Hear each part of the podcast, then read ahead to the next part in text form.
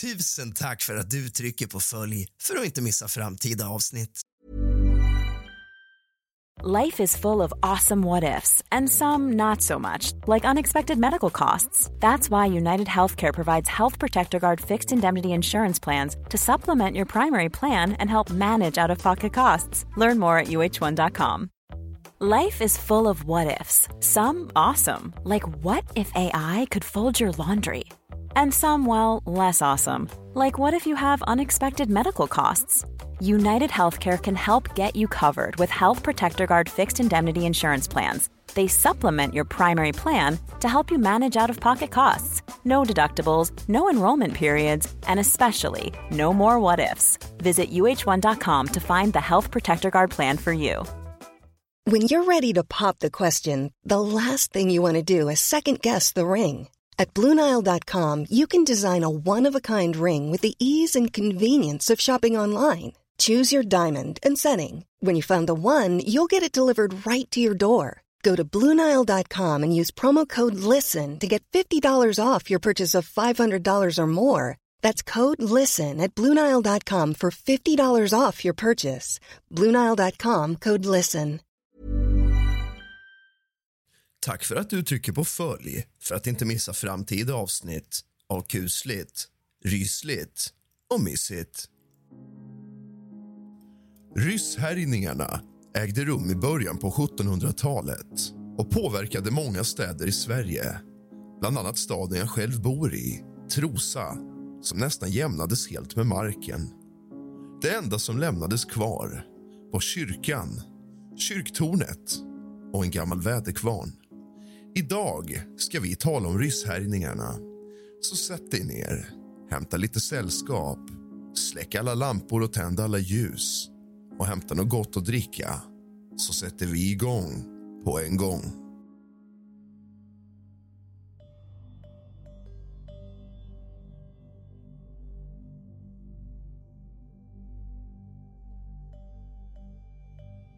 Rysshärjningarna kallas ryska flottans terroraktiviteter mot svensk civilbefolkning längs den svenska Östersjökusten samt expeditioner och strövkårer inåt landet under de sista åren av Stora nordiska kriget 1719 till 1721.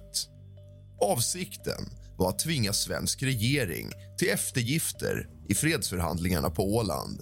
Sveriges representant Georg Heinrich von Goertz förhalad i förhoppning om militärt stöd från England. Peter den store eftersträvade ett slut på kriget för att istället inrikta sig på att reformera Ryssland. 1703 hade Nyen erövrats av Ryssland och Peter den store började tämligen omedelbart anlägga ett varv här och hade på 1710-talet hunnit bygga upp en ganska betydande galärsflotta i Östersjön. 1713 erövrade södra Finland och 1714 resten av kuststäderna i Finland genom angrepp från havet. Redan 1714 brändes Umeå första gången och från denna tid gjordes flera angrepp mot dagens Sverige. 1716 genomfördes omfattande rekognoseringar mot den svenska kusten med anfall och infångande av fiskare som senare kom att brukas som lotsar.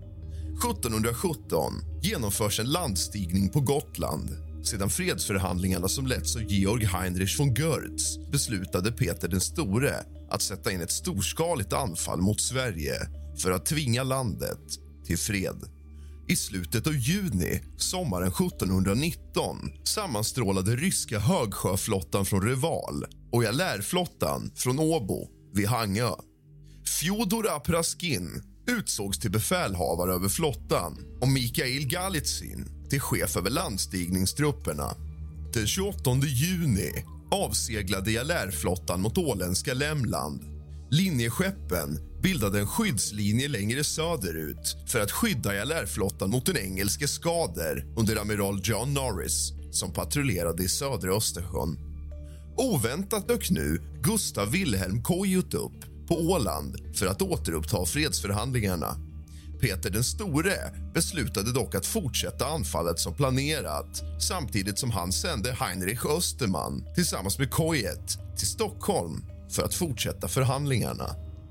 Den 10 juli var alla förberedelser klara och Galärflottan lättade ankar. Den bestod av bortåt 30 linjeskepp, omkring 140 galärer en mängd transportfartyg och skärbåtar med bortåt 40 000 man ombord. Den 11 juli nådde flottan Söderarms skärgård och Kapellskär där den delade upp sig i två avdelningar, en nordlig och en sydlig. Den norra avdelningen, under Peter von Lacy brände 13 juli gårdar på Vätö, Väddö, Björkö och Singö. 14 juli brändes Hargs bruk. 15 juli Ortala bruk. 17 juli Östhammar och 18 juli Öregrund. 20 juli brändes Forsmarks bruk. 24 juli gick man in till Lövstabukten och efter ytterligare förstärkning anföll och brändes Lövsta bruk. På väg från Lövsta brändes Åkerby bruk. Flottan gick sedan i land vid lastplatsen Snattrabodarna där 545 ton stångjärn som låg klart för utskeppning sänktes. Under två dygn därefter brändes Västlands bruk och gårdarna i socknarna omkring. 30 juli gjordes en landstigning vid Harnäs bruk som brändes. Skebo bruk hotades också med ödeläggelse men räddades genom att bruksfolket samlades i en skogsbacke bredvid bruket och slog på trummor vilket fick ryssarna att fly. På flera håll i Uppland var allmogen så säker på att få hjälp av den engelska flottan att man i lugn och ro gick och bärgade sitt hö då ryssarna kom. Av Öregrund borgare var på olycksdagen nästan alla vapenföra män ute och fiskade. Målet med operationen var att bränna Gävle något som man trots upprepade försök misslyckades med då Fredriksskans fästning och tusen man ur Jämtlands dragonregemente bjöd på hårt motstånd. På återvägen anfölls och brändes även Norrtälje. Imagine the softest sheets you've ever felt. Now imagine them getting even softer over time. That's what you'll feel with Bowl and Branch's organic cotton sheets. In a recent customer survey, 96% replied that Bowl and Branch sheets get softer with every wash. Start getting your best night's sleep in these sheets that get softer and softer for years to come. Try their sheets with a 30-night guarantee. Plus, get 15% off your first order at bowlandbranch.com. Code Exclusions apply. See site for details. Life is full of awesome what ifs, and some not so much, like unexpected medical costs. That's why United Healthcare provides Health Protector Guard fixed indemnity insurance plans to supplement your primary plan and help manage out of pocket costs. Learn more at uh1.com. If you're looking for plump lips that last, you need to know about Juvederm lip fillers. With Juvederm Volbella XC and Juvederm Ultra XC, your lip look, whether it's subtle or bold, can last up to one full year with optimal treatment and no additional maintenance. Find a licensed specialist and see if it's right for you at juvederm.com today. That's J U V E D E R M.com. Add fullness to lips in adults over 21 with Juvederm Volbella XC or Juvederm Ultra XC. Do not use if you have severe allergies or a history of severe allergic reactions, or if you're allergic to lidocaine or the proteins used in Juvederm. Tell your doctor if you have a history of scarring or taking medicines that decrease the body's immune response or that can prolong bleeding. Common side effects include injection site redness, swelling, pain, tenderness, firmness, lumps, bumps, bruising, discoloration, or itching. As with all fillers, there's a rare risk of unintentional injection into a blood vessel, which can cause vision abnormalities, blindness, stroke, temporary scabs, or scarring. For full important safety information, visit juvederm.com. Den södra avdelningen, under Feodor Apraxin drog sig långsamt söderöver genom Stockholms skärgård under det att Yxlan, Bildö, Ljusterö, Norröra, Söderöra och Rödelöga brändes och plundrades. Vid Svartlöga lyckades de inte landstiga då de utsattes för träffsäker eldgivning från lokala säljägare. Möjligen bidrog även den grunda farleden in till Svartelöga som gjorde det svårt. Vågen av plundringar fortsatte söderut via Husarö, Östra Langö, Ingmarsö, Svartö, Möja, Harö, Eknö och Sandhamn. Vid Vårholma gjorde man ett uppehåll för att utröna ifall ett anfall mot Fredriksborg och Vaxholms fästning var möjliga. Apraxin valde att inte anfalla utan fortsatte istället vidare söderut och brände Djurö, Runmarö samt herrgårdarna Brevik och Fågelbro. Den 15 juli nådde Apraxins avdelning det första militära motståndet vid Dalarö skans. Istället för att anfalla fästningen valde han att göra en framstöt mot Stockholm via Baggenstäktet. Den 16 juli anföll en mindre styrka på cirka 500 kosacker och infanteri de svenska ställningarna vid Baggenstäktet. De fann emellertid sundet spärrat av de tre svenska galärerna Svärdfisken, Jungfrun och Draken samt kanonpråmen Svarta björn.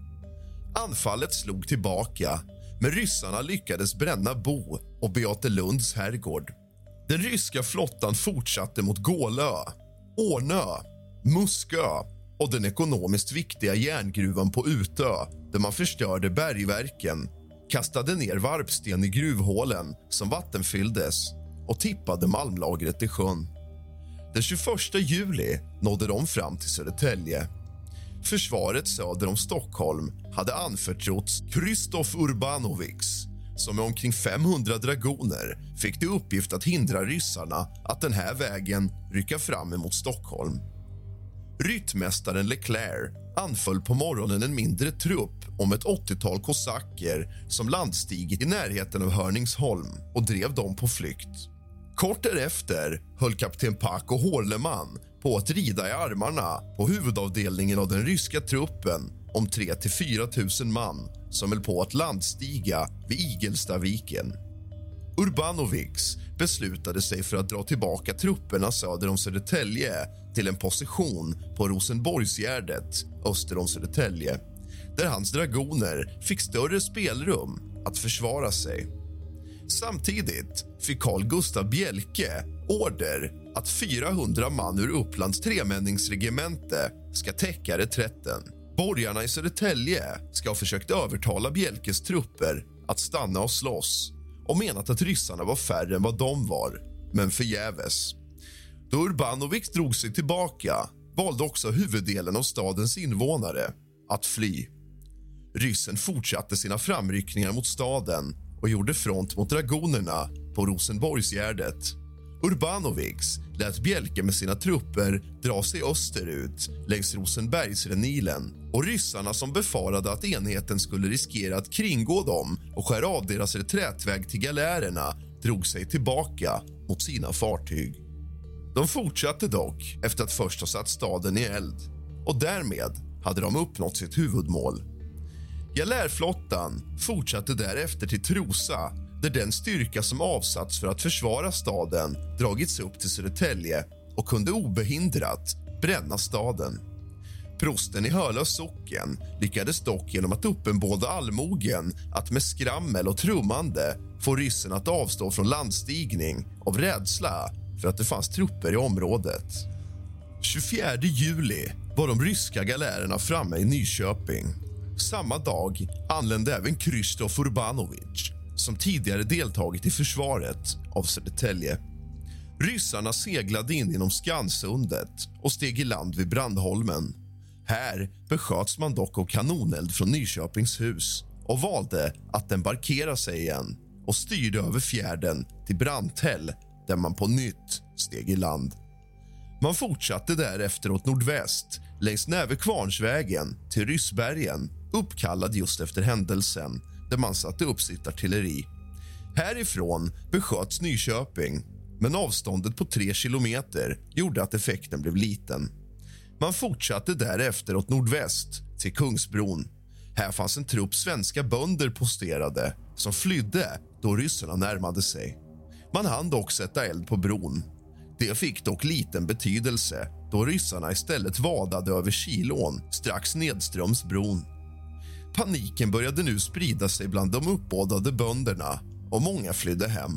Johan Löt Örnsköld, som hade 80 soldater fattade position vid jägarehållet där de avvisade ett ryskt anfall.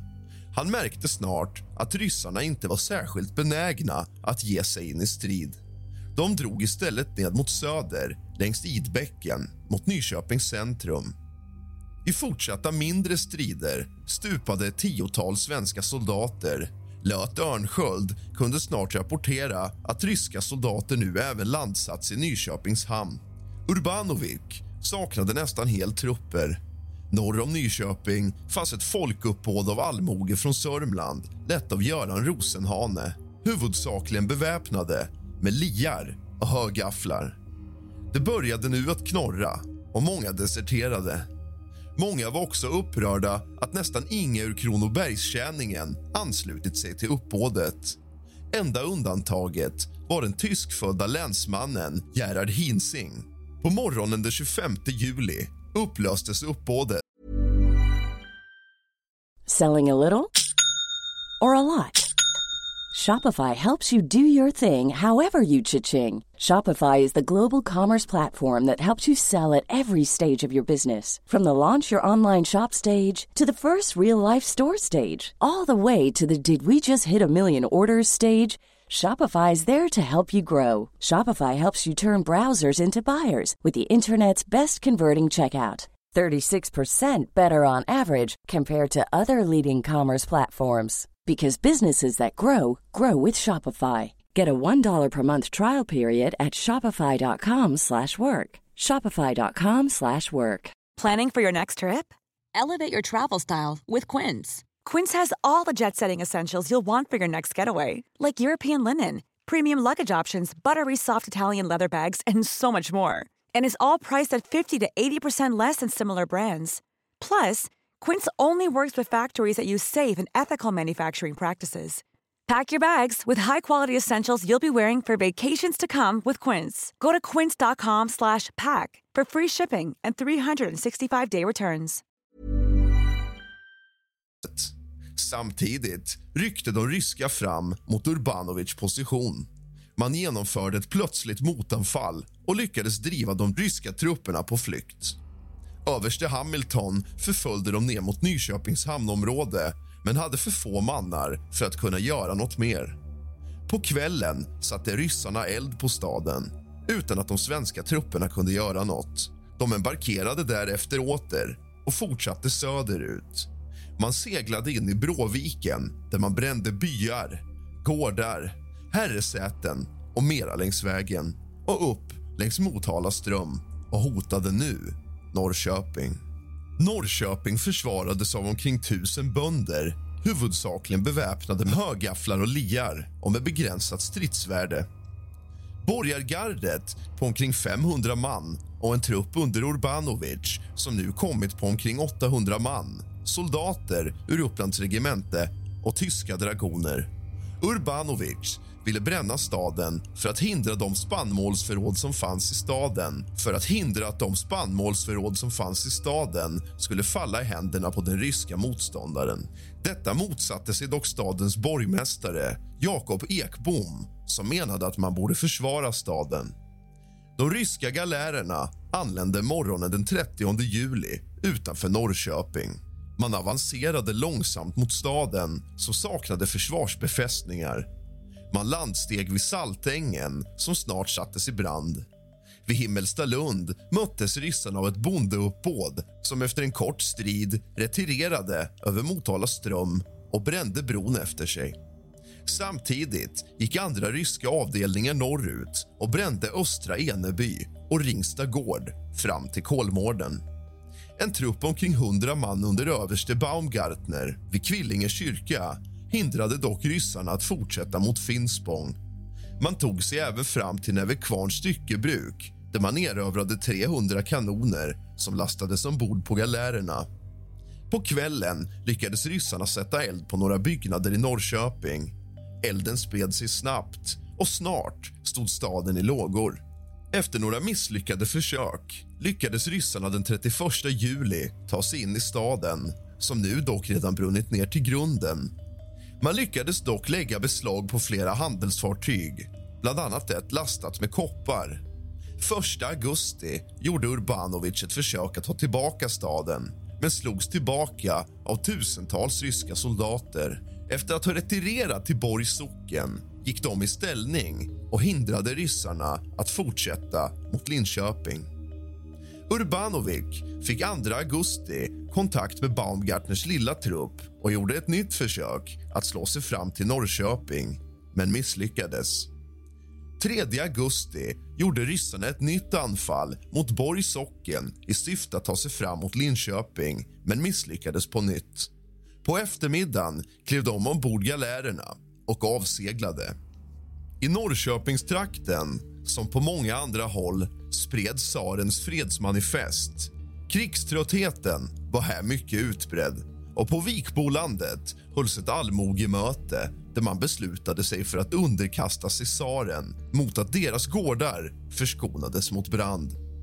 En skrivelse författades och delegater för överlämnandet utsågs. Man anlände med den just som den ryska flottan höll på att avsegla. Bönderna signalerade till flottan med en vit flagga men uppmärksammades av svenska dragoner som omringade dem. Fyra bönder sköts ihjäl på stället. Bonden Sven Tomta kom att dömas till stegling och avrättades på Syltenberget och all hans egendom indrogs till kronan. Flera andra kom undan med lindrigare straff. En länsman som satte både sitt eget och Kudby sockenbors namn under den skrivelse som bönderna skulle överlämna till den ryska befälhavaren. Han dömdes till nio gatulopp genom 300 man. Liknande straff drabbade andra personer som tagit ledning av det landsförrädiska företaget. Ur den stora hopen som låtit leda sig av andra skulle ett visst antal personer från var socken utlottas och straffas med gatlopp. Men om lotten föll på någon som var över 50 år skulle denna istället få sona sitt brott med 8 eller 14 dagars fängelse vid vatten och bröd. Böndernas tilltag visade sig vara frukten av ett manifest från tsar Peter som delats ut bland traktens allmoge. I manifestet utlovades en mild behandling av den som underkastade sig tsaren och svor honom troshed medan de motspänstiga hotades med hårt straff. Den 4 augusti avseglade flottan åter och styrde tillbaka norrut mot Stockholms skärgård. Stora värden förstördes under de dagar som härjningarna pågick. Inte mindre än sju städer, tio stora bruk och en mängd gods och gårdar hade lagts i aska och 20 000 människor hade nu mist sina hem. Det beräknas att en tiondel av de materiella värden som gick förlorade skulle ha varit tillräckligt för att i tid sätta flottan i försvarstillstånd och underhålla en tillräcklig lantarmé under någon månad. Du har lyssnat på kusligt, rysligt och mysigt av och med mig, Rask. Sov gott!